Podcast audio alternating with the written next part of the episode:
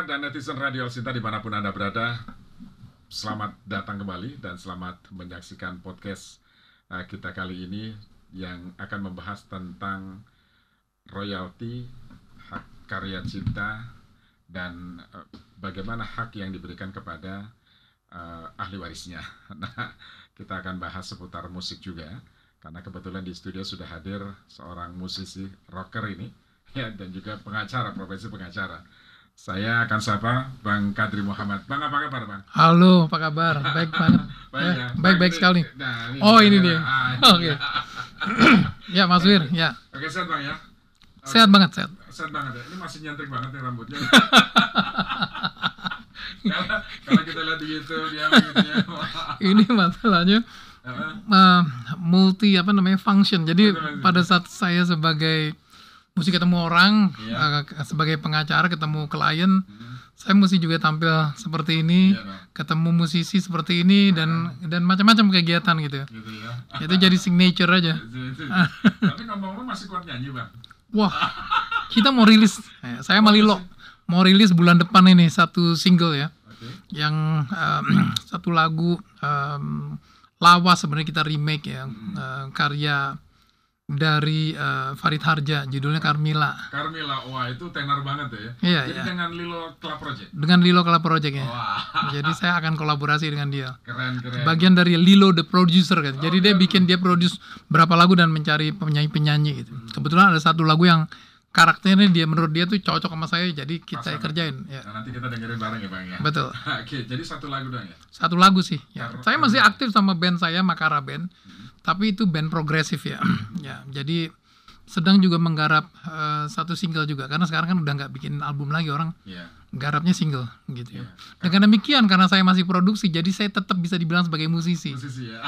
Musisi. Saya bernyanyi jadi singing lawyer. iya, jadi jadi nggak nggak mau ninggalin proses. Nggak mungkin. Nah, itu itu dari dari tahun 70-an saya udah udah bikin uh, musiknya. Ya. Keren keren. Jadi kapan rencana rilis bang?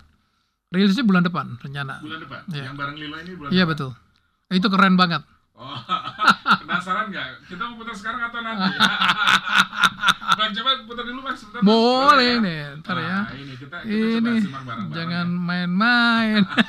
Sebentar ya. Oh, Hmm, bentar ya.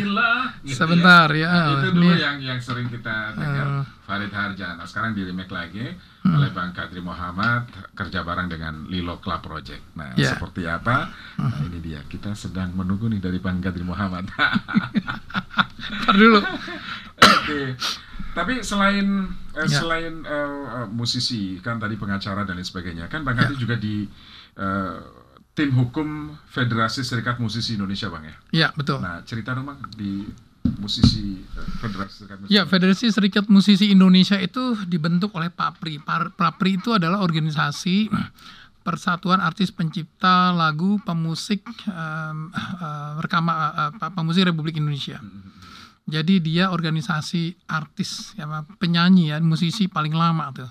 Berdiri long time ago. Terus dia mendirikan FESMI dan saya salah satu yang ikut membidani berdirinya FESMI walaupun sebenarnya Pak, wacana untuk mendirikan suatu serikat musisi yang bertugas untuk uh, melakukan apa namanya advokasi dan perlindungan terhadap hak hak seniman musik Indonesia itu sudah sebelum-sebelumnya. Tapi saat berdiri itu di tahun 2020 sebelum uh, COVID itu ya pada saat saat itu ya berdiri Pak FSMI tersebut saya saat ini diperbantukan untuk di tim hukumnya tim hukumnya ya. Ya, karena saya memang punya kesibukan lain, jadi saya memang membantu pada saat memberikan advice-advice hukum yang berkaitan dengan perlindungan hak eh, eh, musisi Indonesia. Nah itu ketuanya waktu periode dua tahun sebelumnya itu adalah Chandra Darusman. Chandra Darusman. Sekarang Yofi Widianto, jadi udah ada regenerasi. Mas ya. Yofi sekarang Mas Yofi ya, Yofi Kahitna tuh sekarang di situ. Ada teman-teman lagi yang lain. Banyak itu beberapa ya untuk sekjen itu ada Febri Hi-Fi, terus ada Marcel di tim hukumnya ada Once, terus kemudian juga ada siapa Oh, lagi ya? masuk di tim hukum juga. Tim hukum juga ya. Ya Bukan ada karena kemarin dia sempat dia ada masalah itu. tapi Ya. mungkin dari situ dia dia mulai belajar dan pentingnya itu ya Iya. segala macam. Ya itu memang mesti didudukan porsinya supaya memang pemahaman orang soal hak cipta itu semakin meluas gitu ya supaya tidak terjadi lagi uh, misunderstanding ya, atau salah salah apa namanya salah penangkapan terhadap hak cipta. Ternyata saya uh, kebetulan saya backgroundnya adalah hukum ya. Yeah. Jadi belakangan walaupun saya itu adalah hukum corporate ya untuk um, transaksi-transaksi korporasi ya. Saya mempelajari karena saya juga sebagai musician dan saya masuk di dalam um, industri musik ya sejak tahun beberapa tahun yang lalu dan kemudian mulai aktif itu di dalam kegiatan komunitas bersama ya teman-teman kayak Glenn Fredly pada saat itu yeah. sejak 2016 itu saya udah 2017 bikin uh, 2018 bikin kongres musik pertama di Indonesia yang kita membahas tentang ekosistem musik. Ya termasuk hak cipta. Ya termasuk hak cipta itu sudah lumayan lama. Ya, sehingga akhirnya saya jadi mem memahami detail daripada hak cipta yang memang tidak gampang. Yang tidak gampang untuk uh, dimengerti ya. Sehingga akhirnya terjadi banyak uh, apa namanya penerapan-penerapan yang yang yang apa karena tidak memang memahami uh, hak cipta sebagaimana mestinya kurang lebih begitu ya. Yeah bicara soal hak cipta kan rasanya bukan hanya lagu. Kemarin kan sempat ramai juga soal film ya.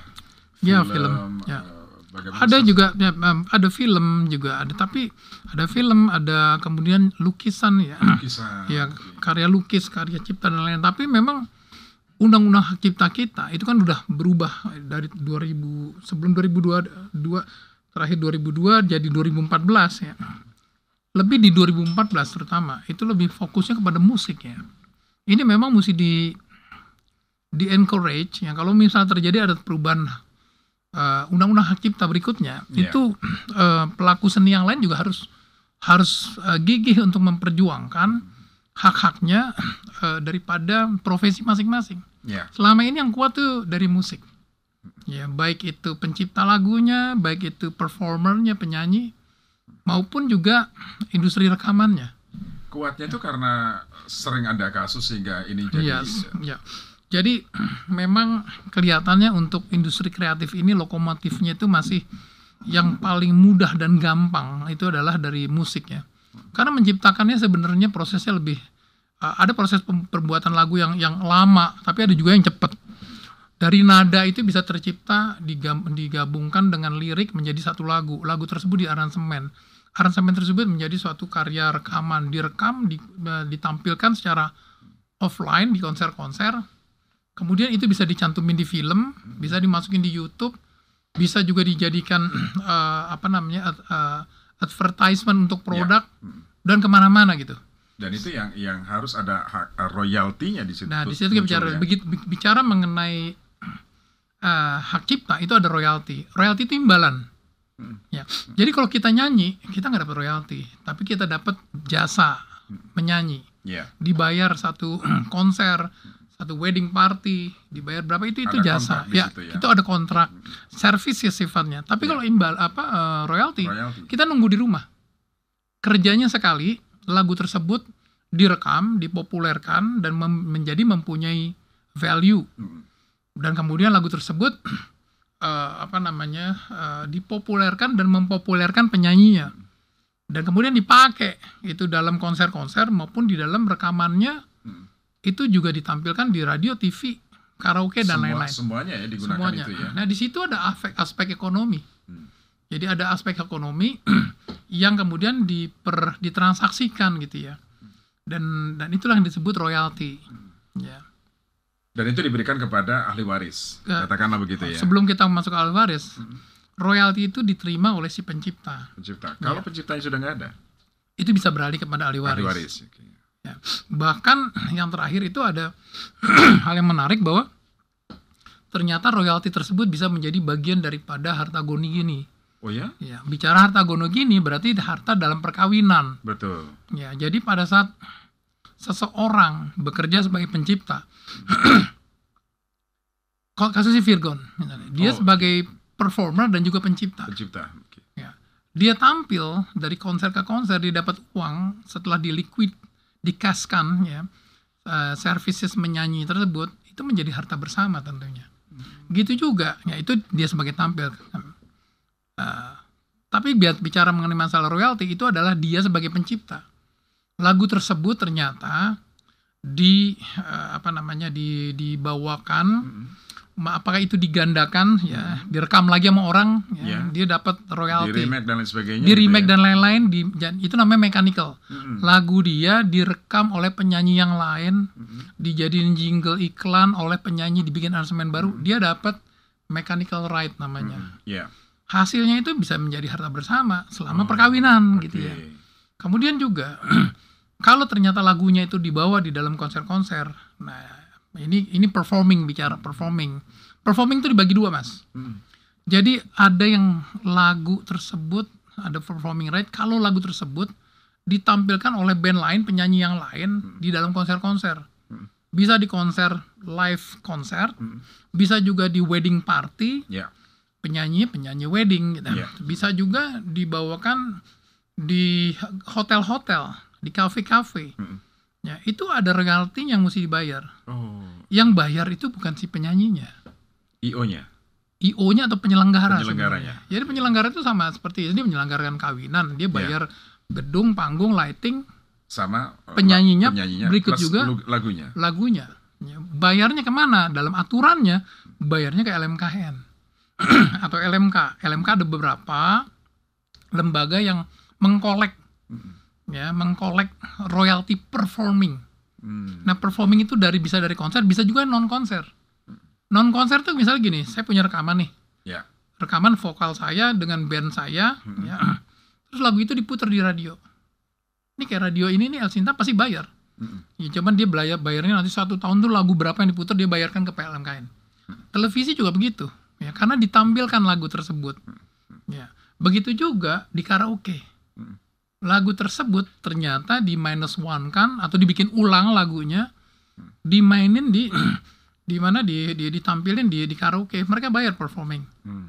jadi performing right itu adalah hak daripada pencipta Mm-mm. karena lagunya diperform, baik Ya. diperformkan oleh orang lain maupun secara bulat-bulat Ya. diputar ulang Mm. di radio, di kafe, di hotel, di seminar pun ada tarif-tarifnya. Oke. Bayarnya ke mana? Ke suatu lembaga, Tadi yang kolektif tadi LKM. tadi. lembaga manajemen kolektif. Lembaga manajemen kolektif itu ada berapa sekarang? Udah 15, banyak banget. Hmm. Ya, dan dia membentuk LMKN nasional. Oke. Nah, dialah nanti yang kolek. Hmm. Jadi semua pengguna itu bayar ke LMKN. Permasalahannya adalah ternyata yang terkolek itu sedikit. Karena ini we are talking about Aceh tuh Aceh sampai Maroke, Sabang sampai Sam- Sabang sampai Maroke. Tidak punya lembaga tersebut itu tidak punya kapasitas secara peralatan maupun orang untuk bisa mengkolek apa namanya royalti-royalti tersebut Ya, ya. dari sedemikian banyak ya. Hmm. Kemudian jadi hanya berdasarkan self apa ya eh, self registration. Hmm. Jadi orang pengakuan sendiri deh saya bawa apa bayar Dengan Oh, kesadaran sendiri. dengan kesadaran ya. sendiri ini saya bawa apa bayar bayar untuk setelah tahun ini saya pakai sekian misalnya ya dari radio. Hmm. Ya lagu ini yang dipakai kita berdasarkan tarif harus mesti bayar segini ya dibayarkan itu. Mm-mm. Ya, radio mungkin bisa dilakukan karena ada dari asosiasi radio, Ya.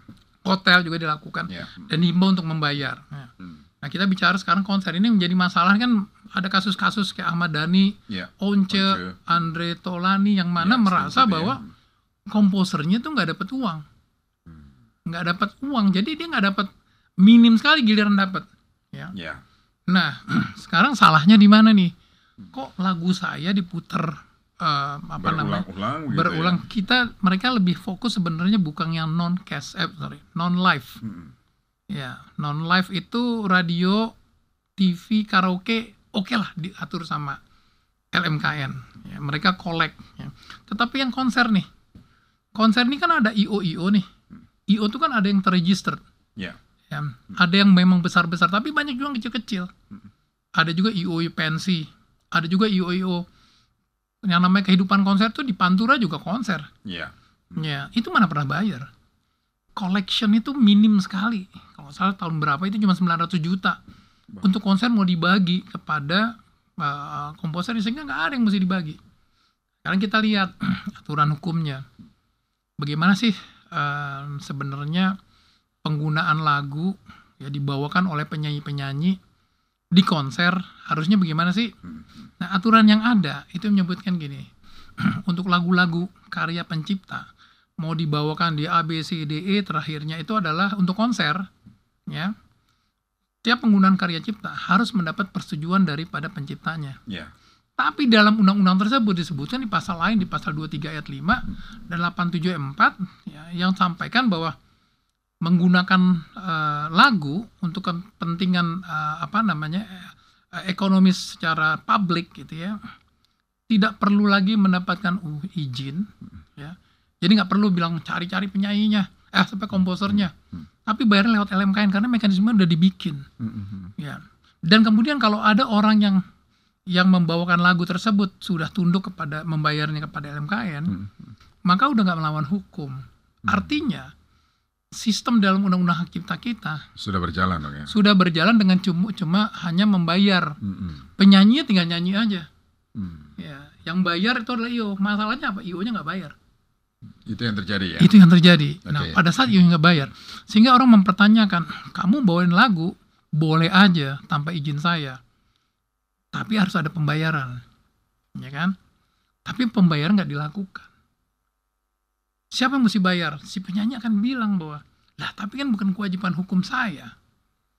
Karena saya itu pada dasarnya menurut ini nggak cuma undang-undangnya nih karena ada undang-undang hak cipta nomor 28 tahun 2014 ada PP 56 ada permen ada SK dan segala macam aturan Lengkap bawahnya. betul ya. lengkap betul. Itu udah menyebutkan yang mesti bayar IO Mm. IO nya nggak bayar nih.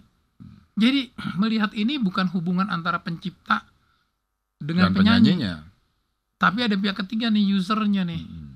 IO nya IO nggak bayar penyanyi merasa bahwa tiba-tiba wah saya jadi nggak perfect nih. Apakah dia bisa dilarang? Ya, konsepnya adalah yang bersalah adalah IO nya Ya, IO nya ini yang mesti diuber. Nah sekarang tinggal kita lihat nih kenapa IO nggak bayar? Satu mindset daripada promotor IO ini adalah aduh ngapain sih mesti bayar? Udah bayar penyanyinya mahal untung juga belum kita mesti bayar lagunya. Ya kan? Ya. dan kemudian nggak bayar juga nggak apa-apa. Karena LMK ini nggak punya tangan untuk bisa ngecek ini ini nggak cuma di Jakarta nah ini yang mesti dirapikan itu yang di Jakarta aja yang kelihatan kontrak gede-gede nggak bayar jadinya Mm-mm. belum lagi yang daerah-daerah gitu ya. padahal kalau mereka bayar bayar cuma 2% jadi soal misalnya ada konser konser besar dengan Ya. uh, tiket terjual 10, lima- 10 miliar misalnya Mm. maka dia cuma bayar 2%. 2% dari 10 miliar berapa tuh? 200 Ya, juta. 200 juta. Dengan lagu yang dibawain 20.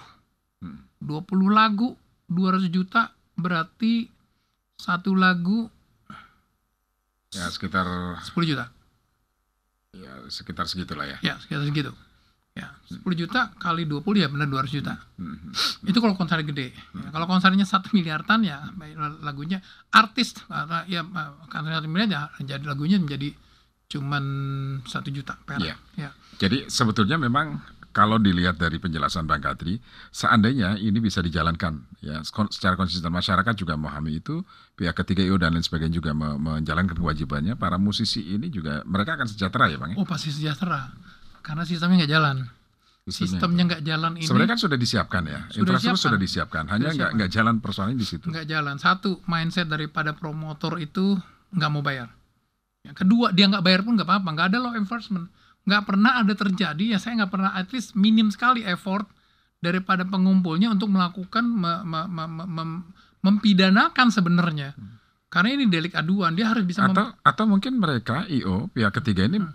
uh, dia, dia bisa saja klaim uh, saya nggak tahu kalau ada aturan itu, misalnya seperti itu Bang. bisa juga karena edukasi yang kurang. Nah, itu Sosialisasi dan edukasi yang nggak kurang, yang kurang. yang kurang. Nah setelah sekarang misalnya ada teman-teman musisi yang yang yang bikin press con dan segala macam itu mereka mungkin baru sadar oh ini jadi serius nih Mm-mm. ya jadi mungkin sekarang dia akan sekarang saya dengar dari teman-teman LMK LMKN sudah mulai masuk lebih banyak Oh, Eh, apa namanya, ada kesadaran itu ya, ada kesadaran tersebut. banyak yang masuk. betul nah satu lagi adalah IO IO promotor ini kan ada mereka nggak perlu izin khusus Mm.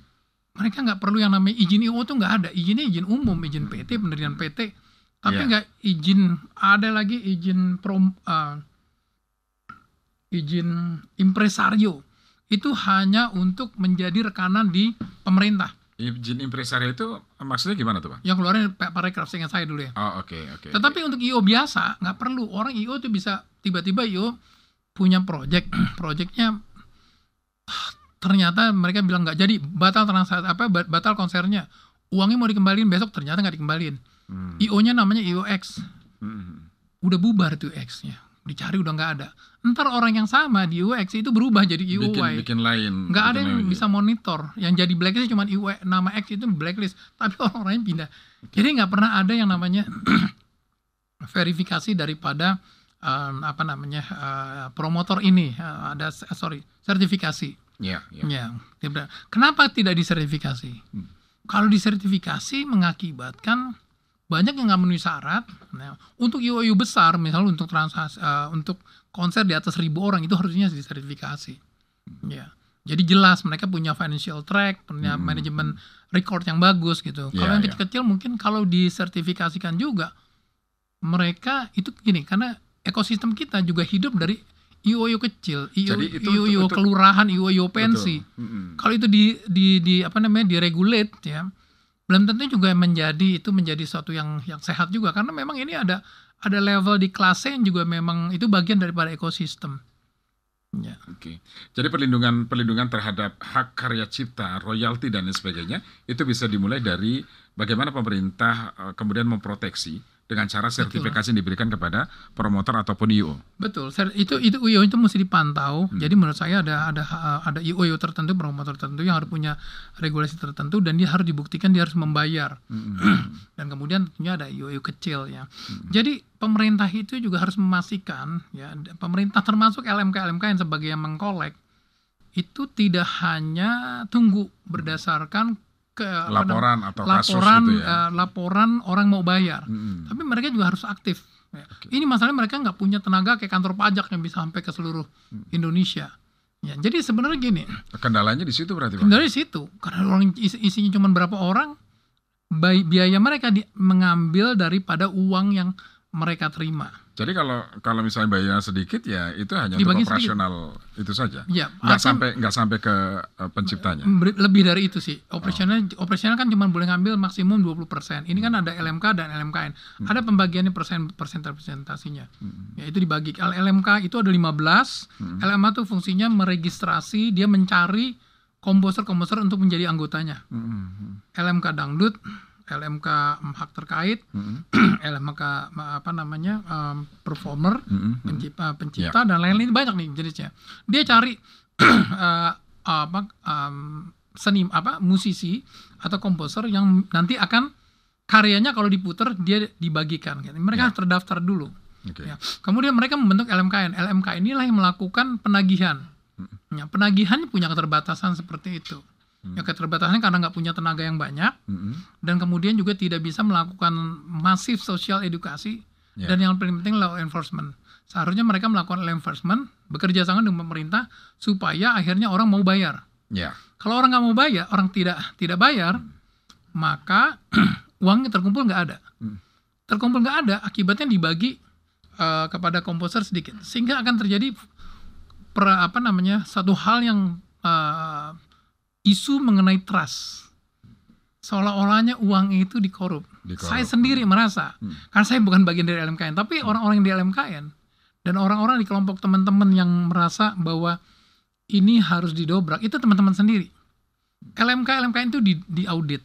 LMKN berkali-kali ngomong bahwa dia sudah diaudit. Ya. Tetapi auditnya itu hanya bahwa uang masuk sekian, Mm-mm. ya misal uang masuk, uh, saya misal 100 miliar, nah, dipotong 20 miliar, ya 80 miliar sudah dibagikan kepada LMK.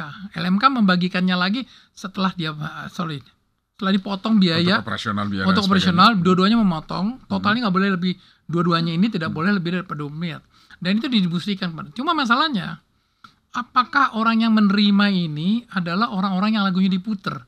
Hmm. gitu. Ya, ya, ya, ya. yang diputer itu harus ada cara penghitungannya yang memang akurat ya kalau dia cara penghitungannya berdasarkan self explanatory Hmm. ya dia bilang ini menurut saya ini eh, lagu ini diputer ini misal radio ini kan radio diputer banyak banget Ya. udahlah sama aja tahun lalu. Akibatnya ada hak orang-orang yang sebenarnya punya Hmm. hak lebih itu. lebih banyak gitu Ya, misalnya. jadi dia nggak kebagian atau Oke. terpotong karena ternyata ini ada sistem pembagian-pembagian yang ada yang berdasarkan log sheet, memang jelas diputer, Hmm. tapi ada bagian juga yang pokoknya dia bayar tapi nggak menyebutkan em, detail Mm. lagu apa yang dipakai.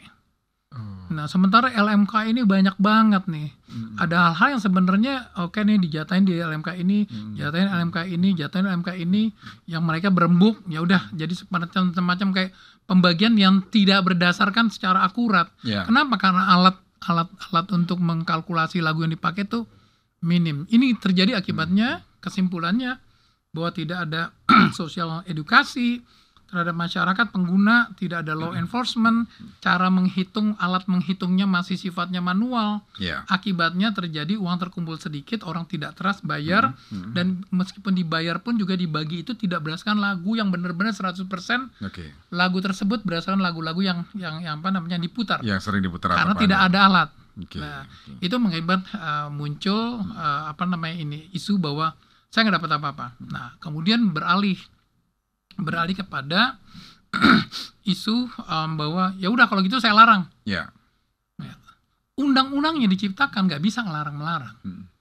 Karena saya bilang tadi, jadi ada pasal 9 bilang bahwa pencipta atas hak A, B, C, D termasuk daripada hak menggandakan, Mm. hak melakukan macam-macam termasuk hak untuk uh, pertunjukan itu harus minta izin dari pencipta. Mm. Nah, kita masih bicara mengenai uh, pertunjukan. Pertunjukan dalam konteks membaca undang-undang secara keseluruhan nggak perlu minta izin satu-satu begitu. Oke. Kalau nggak bayangin mau bikin konser 200 lagu yang dibawain mesti cari-cari orang yang udah meninggal apa segala macam Ya. nggak mungkin. Dapat juga itu ya. yang namanya direct licensing. Oh. Jadi nggak mungkin kita melakukan direct licensing dengan melakukan ini nggak berlaku hanya cuma satu konser loh. Hmm. Seluruh Indonesia melakukan direct licensing. Berarti dia mesti cari lagunya Farid Harjo udah meninggal nih. Ya, siapa yang ahli warisnya gitu ya? Ahli warisnya segala macam. Akhirnya orang ada kecenderungan menjadi akhirnya nggak mau bawain lagu tersebut. ya. Oh. Padahal sebenarnya prinsipnya khusus untuk uh, untuk lagu, lagu itu ini mengenai masalah lagu. Memang royalti lagu itu adalah hak kebendaan yang tidak berwujud. Mm. Ya, kebendaan yang tidak berwujud. Ya. Em, dia itu bukan kayak benda biasa, bukan kayak motor. Hmm. Ini motor saya mau pakai silakan bayar izin. Kalau saya larang, saya nggak suka sama kamu, kamu pakai, saya berhak. Ini udah nggak bisa begitu lagi. Mm. Inilah bedanya itu ada namanya istilah hukum sui generis Mm. bahwa hak cipta itu sifatnya unik. Ada hak moral, Mm. ya, ada hak ekonomi. Mm. Ya, hak ekonominya harus dibayar. ya. Nah, jadi dia nggak bisa. Tetapi sistemnya itu adalah ya dibayar bukan larang melarang. Karena udah disebutin dalam undang-undang cipta cukup bayar ke LMKN. Ya.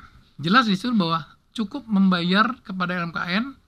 Maka ini prinsipnya lagu begitu udah diumumkan ya udah bisa bebas dipakai. Ya. Kalau dia nggak ada unsur ekonominya, ya misalnya dia dimainkan di acara misalnya ya di acara charity, charity aja masih tetap harus bayar. Harus Gitu, bayar ya. Oke. Ya, um, tetapi intinya em, apa namanya begitu ada unsur hak ekonomisnya, Hmm. maka cukup bayar kepada LMKN. Hmm. Jadi kita nggak bisa lagi untuk melarang orang membawakan lagu tersebut kecuali Hmm. hak moral.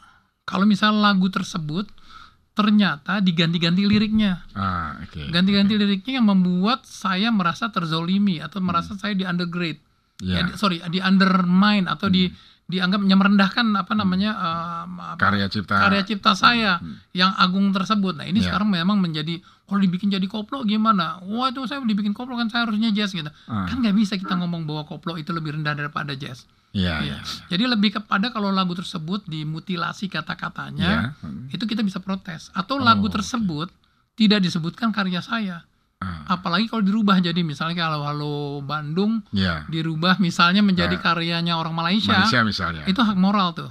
Oh, Nah, oke, oke. Jadi hak cipta ini uh, sesuatu yang prinsipnya karena ini unik, ya, cukup lisensinya untuk konser cukup dengan membayar, nggak perlu lagi minta minta izin karena itu dibikin undang-undang cipta, cipta ya, dia itu berlaku sistem di luar negeri. Jadi cukup membayar kepada Collective Management Organization atau LMK. Hmm. Nah LMK ini harus berfungsi bagus untuk dapetin uang dan untuk membayarkan. Ya. Jadi bukan masalah larang-melarang, nggak ada istilah larang-melarang. Jadi sebetulnya kan sudah sangat dimudahkan ya. Ya. Cukup ke LMKM ini ke- Ya. nggak nggak perlu mencari uh, Ya. musisinya, uh, komposernya dan sebagainya ya. Betul. Oke, hanya saja memang sayangnya belum berfungsi belum sebagaimana berjalan mestinya. dengan bagus.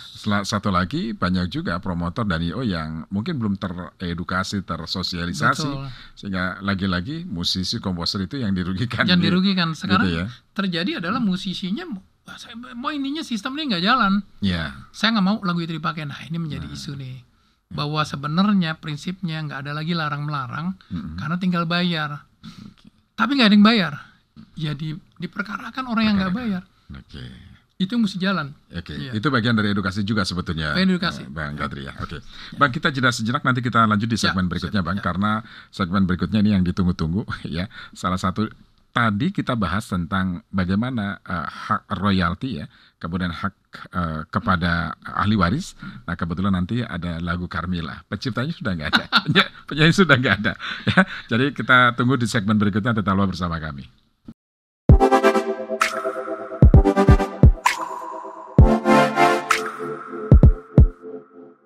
Pendengar dan netizen terima kasih Anda masih bersama kami dan ini adalah segmen yang paling kita tunggu-tunggu karena kita ingin dengar remake lagu Carmila yang di awal tadi akan di eh, kita putarkan dan ini adalah kolaborasi dari Bang Kadri Muhammad dengan Lilo, Lilo, Club Project. Club Project. Saya ingin dengar Bang, kayak apa sih lagunya Bang? Wah ini bahaya. nih. Oke, kita dengar bersama ya. Deketin ke mic Bang.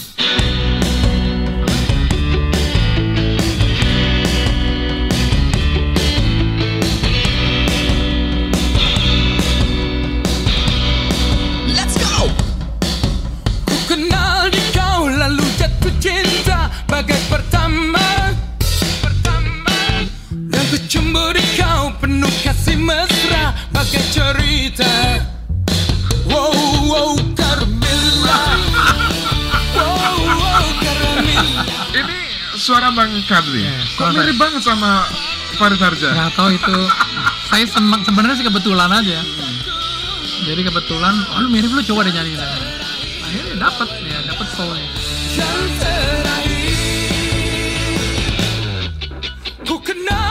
Ah, oke. cinta Oke, nanti kita tunggu. Fullnya kita tunggu ya Bang ya. Ya, ya, Bulan ya. depan ya Bang. Ya, ya bulan depan. Bulan depan dirilis ya. Ya. Oke, nanti kita tunggu di YouTube-nya Elsita juga nanti kita coba putarkan Bang Siap, Kadri ya. siap. Oke, Bang bicara soal ini kan eh, penyanyi penciptanya kan sudah nggak ada Bang. Ya. Nah ini bagaimana ngurusnya Bang Kadri? Ya, kalau lagu itu ya, dia itu em, punya punya coverage ya 70 tahun setelah dia meninggal.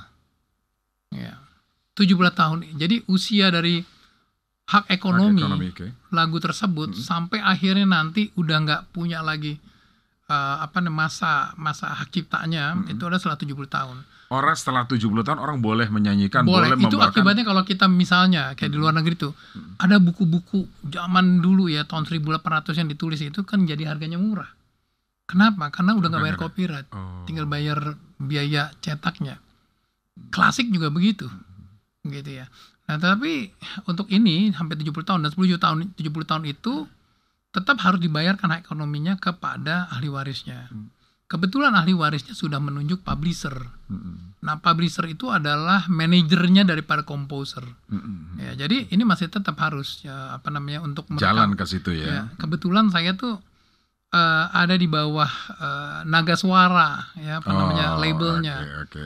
Pak Jadi Rahayu Pak Rahayu, ya, Pak. Rahayu itu ngambil ini dan dia minta lisensi kepada uh, publisher yang siapa yang pegang. Jadi saya boleh merekam. Kurang lebih seperti itu gitu ya. Jadi kita ini kegiatan merekam itu berarti membuat suatu rekaman baru. Mm-mm. Beda kalau saya nyanyi di konser. Kalau nyanyi di konser urusannya sama LMK tadi. Oke. Kalau ini kita mesti bayar ke publisher karena kegiatan rekaman ini kan nggak tiap hari. Ya, ya. Iya, kalau manggung kan itu lebih day to day ya sifatnya. Rekaman ini ma- maka saya harus membayar kepada ah, paling tidak produser saya Lilo dan Pak Roy Haldi itu Pak Rahayu itu dia join Mm-mm. ah, dia mesti bayar kepada publishernya Mm-mm. gitu dan pembayarannya itu nanti mungkin berdasarkan juga ah, apa namanya terjual berapa apa namanya misalnya kalau dulu pakai CD itu pakai Ya. Pakai apa berapa Berapa kaset kopi, gitu ya, berapa kaset berapa gitu soft ya, copy, berapa ah, kopi CD. gitu. em. Kalau Nah, sekarang ini sekarang pakainya dia pakai apa namanya stream, stream stream Karena- Spotify. oh, oh, oke di Spotify tadi betul ya. dan kan dia dia juga terus kemudian taruh di YouTube dan lain-lain gitu. Jadi kalau yang itu kan sebetulnya lebih memudahkan banyak untuk mengkolektif ya, karena Betul. terdigitalisasi ya. Iya, itu lebih lebih gampang gitu daripada dibikin panggung nih. Nah, terus kemudian ini yang bicara tadi, tadi bicara mengenai apakah em, ini lagu dan royalti ya. Tadi kan bisa dialihkan kepada ahli Ahli warisnya. waris. Nah, kalau misalnya itu dalam konteksnya kasusnya Virgon sama istrinya yang sekarang sedang berjalan dari pihak istrinya Virgon itu minta lagu tersebut Ya, selamanya dibagi dua bagi dua. hasilnya. Oke, oke. Kalau menurut saya lagu itu nggak bisa dibagi dua, royalti bisa dibagi dua, tapi royalti sepanjang perkawinan aja.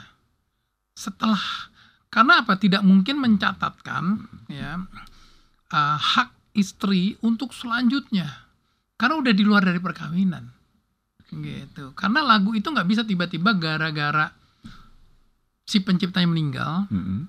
diwariskan kepada anak atau atau gara-gara perceraian jadi seolah-olah penciptanya jadi berdua nggak bisa Oke. itu harus ada hak moral yang selamanya Dia melekat pada melekat penciptanya. penciptanya jadi lagu itu memang harus tetap atas namanya Virgon. Iya. penciptanya atau lagunya Yofi tetap Yofi. Walaupun orang bisa mengalihkan hak ekonominya. Iya. ini lagu karya Yofi nggak bisa tiba-tiba saya beli kayak motor. Saya bisa balik nama gitu loh. Iya, iya. kalau lagu tuh nggak bisa. Itulah konsep sui generisnya tuh di situ. Ya. Konsep uniknya seperti itu. Sehingga akhirnya pada kasusnya Virgon menurut opini saya bahwa ya memang royalti bisa dibagi dua. Tapi setelah dia per- perceraian udah nggak bisa lagi. Setelah tidak ada per- pernikahan Nggak, sudah nggak ada ya, nggak sudah ada. putus di situ ya ya. karena dia nggak meng- mengakibatkan dia menjadi pencipta lagu tersebut atau pemegang hak cipta lagu tersebut. Mereka dia sebagai pemegang hak cipta hanya sebatas konsep dari harta gono gini adalah during perkawinan. Oh, gitu. Itu mesti jelas. Jangan tiba-tiba kemudian akhirnya kalau dianggap semua lagu itu adalah harta bersama sepanjang perkawinan nah, akibatnya itu komposer-komposer nggak bisa tanda tangan lisensi. Jual lagu misalnya. Harus istri ikut. Mm. ya akibatnya yang terjadi sekarang kan dalam undang-undang maupun juga uh, aturannya Iya. itu sekarang akibatnya nanti Maya Esfrianti itu bisa gugat lagi. Wah itu tuh bagi dua tuh lagunya semua itu kan. Saya nggak bisa gitu karena memang nggak memang nggak begitu dia hanya kebagian pada saat perkawinan setelah itu enggak Oh, Gitu. Oke, jadi sudah clear. Tapi sebagai apa? Sebagai sebuah wacana di diskursus dan edukasi, rasanya ini pas banget ya kasus Iya. Virgon ini ya. Ya, Karena betul. di situlah kita akhirnya memikirkan bagaimana eh, hak-hak bagi karya karya cipta bagi para komposernya dan lain sebagainya Betul, diatur betul. sedemikian rupa. Nah persoalannya sekarang Bang Kadri, mungkin eh, barangkali ini eh, saran dari Bang Kadri Hmm. ya sebagai pelaku industri Ya. langsung kre- kreatif langsung. Eh, su- infrastruktur semuanya resources sudah disiapkan pemerintah nih Sudah sudah, siapkan, semuanya sudah. nah agar jalan agar efektif dan bisa memberikan manfaat bagi Ya. para musisi komposer dan sebagainya apa yang harus dilakukan nih bang Kalau pemerintah saya- intervensi langsung aja gimana? ya saya kebetulan juga membuat sama teman-teman ya membuat satu masukan kepada salah satu eh, apa namanya eh, paslon Mm-mm. saya nggak bisa sebutin yang mana ya. Mm-mm. kalau perubahan apa masukan terhadap eh, tata kelola Ya. ya. tata kelola nggak cuma masalah royalti tetapi ekosistem musik dari hulu ke hilir gitu ya tapi kita nggak tahu nanti itu sebenarnya bebas Ya. siapa pun juga nanti yang menang itu kita mesti melakukan suatu reformasi restrukturisasi terhadap uh, ekosistem musik ya. Termasuk juga di dalam tata kelola ya. Ya, kalau saya melihatnya begini satu memang government itu harus hadir. Hmm. pemerintah harus hadir jangan dilepasin ya. Pemerintah harus hadir dalam tata kelola sini harus memastikan legal law enforcementnya sehingga orang membuat kepastian hukum dan harus bayar ya, ya. Kemudian LMK LMK itu harus di restructure. LMK LMK itu kebanyakan menurut saya. Hmm, Jadi orang bikin bikin bikin bikin supaya dapat jatah. ya. Sehingga akhirnya uang yang masuk itu habis of- kebagi mereka aja habis ya. kebagi orang-orang yang belum tentu lagunya diputar. Oke. Iya, itu mesti dibenerin ya. Karena dasarnya adalah uh, dasarnya itu adalah karena alat hitungnya akurat itu nggak ada. Ya, jadi saya nggak melihat bahwa sebenarnya ini mismanage Hmm. lebih kepada uangnya itu menguap ya, tetapi ini karena pembagian karena sistemnya itu memang Ya. eh, sangat memang mesti dilakukan perombakan ya mengibatkan ini eh, faktor Ada trust ada inefisiensi juga di situ. ada ya. inefisiensi dan inef- inefektivitas dan akibatnya uang yang terkumpul juga sedikit orang nggak mau bayar Dan yang dirugikan adalah komposer pencipta komposer lagu. itu. ribet sehingga komposernya marah dan kemudian melakukan bahwa ini enggak kita bisa nagih langsung ya dia melakukan inter- interpretasi terhadap undang-undang kita yang sebenarnya undang-undang kita itu sudah dibuat itu dengan cara menggunakan sistem LMK ini bukan nagih sendiri-sendiri Iya, iya nagih-nagih sendiri-sendiri apalagi dengan kelompok-kelompok sendiri iya. yang namanya misalnya direct licensing itu Ini- sama juga itu ini- sama ini- juga ini- ini sering- itu sama juga ada intermediary-nya juga Iya, dan uh, kerap menimbulkan uh, konflik akhirnya di antara Betul, mereka. ya. mereka konflik dan kemudian gini, kalau ada suatu apa namanya kelompok ya Hmm. mengatasnamakan me- me- merekrut apa namanya angg- am- am- am- anggota dan kemudian menagih itu Hmm. kan pengelolaan dana Iya. izinnya nggak ada kita mengelola dana kalau nggak punya license yang pas itu juga berbahaya Mm. ya ini pengelolaan dana mungkin awalnya masih sedikit anggotanya begitu dia jadi banyak ya dan kemudian license nggak jelas positioningnya nggak jelas itu juga sudah bermasalah Betul, betul. ini mesti dirombak Betul, Iya. betul. Oke, baik, Bang. Tanpa terasa kita harus segera Ya. akhiri diskusi kita, tapi memang seru banget sebagai sebuah diskursus dan rasanya ini juga PR karena kita harus punya komitmen yang sama bagaimana mensejahterakan ya, mensejahterakan para musisi mereka yang sudah melahirkan karya cipta agung, jangan sampai mereka juga dilupakan begitu saja. Betul. Sementara orang lain menikmati eh, menikmati value yang dia Ya, dapatkan itu ya, ya, itu yang ya. penting ya, Bang ya. Ya. Baik, Bang, terima kasih sudah bersama kami sehat selalu ya, Bang. Bang Ya, Adri, terima ya. kasih. Ya, mudah-mudahan Hmm. semua ini musisi tidak ada yang saling pecah lagi. Hmm. Apa pun masukan dari teman-teman yang memang dirasanya bagus, Hmm. itu harus duduk bersama dan diakomodasi. Undang-undangnya bisa dirubah. Hmm. Ya, tetap sepanjang itu untuk kepentingan sama-sama. Betul. Ya, itu aja. Baik, terima kasih Bang Katri. Terima kasih. Pendengar dan netizen Radio Cinta, terima kasih Anda masih bersama kami dan demikian tadi bersama Kadri Muhammad, musisi pengacara tim hukum FESMI, Federasi Serikat Musisi Indonesia. Saya Swiria, sampai jumpa pada kesempatan yang lain.